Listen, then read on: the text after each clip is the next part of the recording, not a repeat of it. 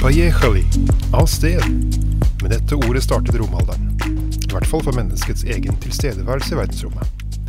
For selv om satellitten Sputnik 1 hadde blitt sendt opp i 1957, og med det blitt det første menneskeskapte objektet i bane rundt jorden, så var det den 12. april 1961 at mennesket selv for første gang beveget seg utenfor jorden.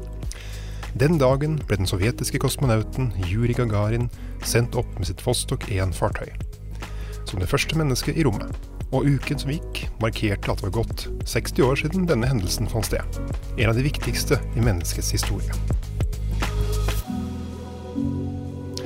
Hei, jeg heter Jon Emil Halvorsen. Jeg er historiker og jobber som formidler på Borgarsyssel museum i Sarpsborg.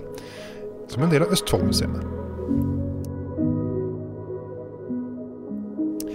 Omtrent samtidig som Gagarins legendariske ferd fant sted, satt klokkemakeren Rasmus Sørnes i sitt hjemlagde verksted på Jeløy ved Moss, og arbeidet med sitt siste mesterstykke, det fjerde av de såkalte Sørnes-urene. Jeg har tidligere omtalt disse urene, og deres oppfinner, blant de mest kompliserte astronomiske ur som noensinne er skapt, hvorav ett nå finnes i Østfoldmuseenes samlinger nærmere bestemt på Borgarsyssel museum i Sarpsborg.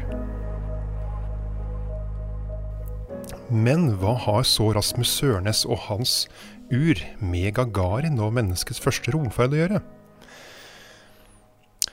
I tillegg til å konstruere disse astronomiske urene med sine mange visere, skiver og globuser, som bl.a. markerer jordens rotasjon, solens, månens og planetenes gang, så konstruerte han også sin egen mekaniske globus, med en egen liten Sputnik 1 som er plassert i hagen.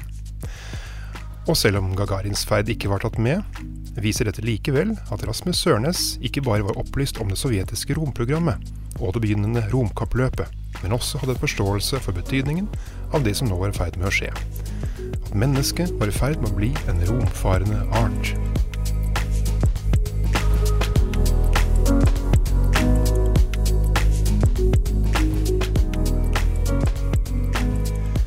Juri Gagarin ble født den 9. mars 1934 i Klusjino vest i Sovjetunionen.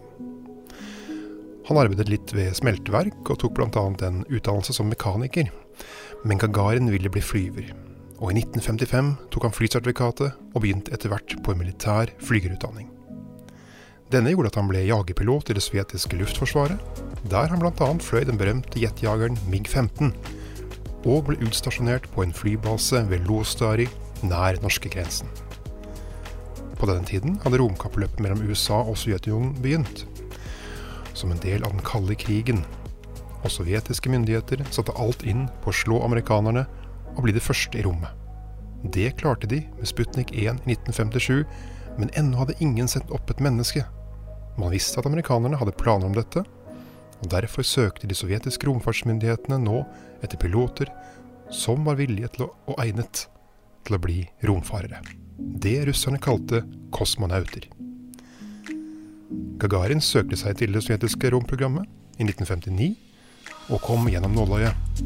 Så ble han sendt til Stjernebyen nær Moskva, stedet der de sovjetiske kosmonautene skulle bo og trene.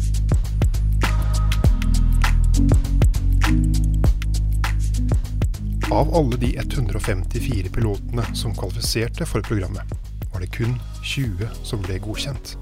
Og av disse igjen var det Juri Gagarin som til slutt ble valgt ut til å foreta den første bemannede ferd ut i rommet. Sterkt anbefalt av sine kamerater. Etter et beinhardt treningsprogram og utallige forberedelser ledet av den briljante russiske rakettforskeren Sergej Koroljov, lette til slutt raketten med Vostok 1-fartøyet fra Baikonur-kosmodromen i Kasakhstan den 12. april 1961 klokken 09.07 Moskva-tid.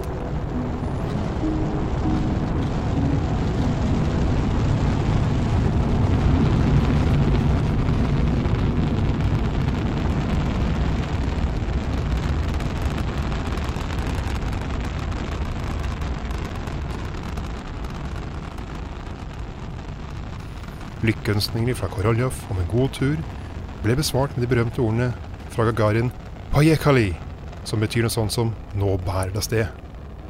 Verden ble aldri den samme igjen. Den vellykkede romferden førte til at Gagarin ble en helt over natten. Ikke bare i Sovjetunionen og i østblokklandene, men i hele verden. Han mottok ordenen Helt av Sovjetunionen, landets høyeste utmerkelse, og turnerte rundt i verden de neste årene. I 1964 besøkte han også Norge. Men amerikanerne var ikke like fornøyd med Gagarins heltestatus. Dette var jo en seier for det sovjetiske romprogrammet, og president John F. Kennedy forbød ham å besøke USA. Og selv om amerikanerne til slutt gikk seirende ut av romkappløpet, så var Sovjetunionen først ute med mye. Første kunstig satellitt, Sputnik 1. Første menneskerommet. Første romvandring, Leonov 1965. Første romstasjon, Saljut 1 1971 og mye mer. Likevel bør Gagarins ferd sammen med de andre huskes ikke bare som sovjetiske og russiske seire, men som menneskelige seire.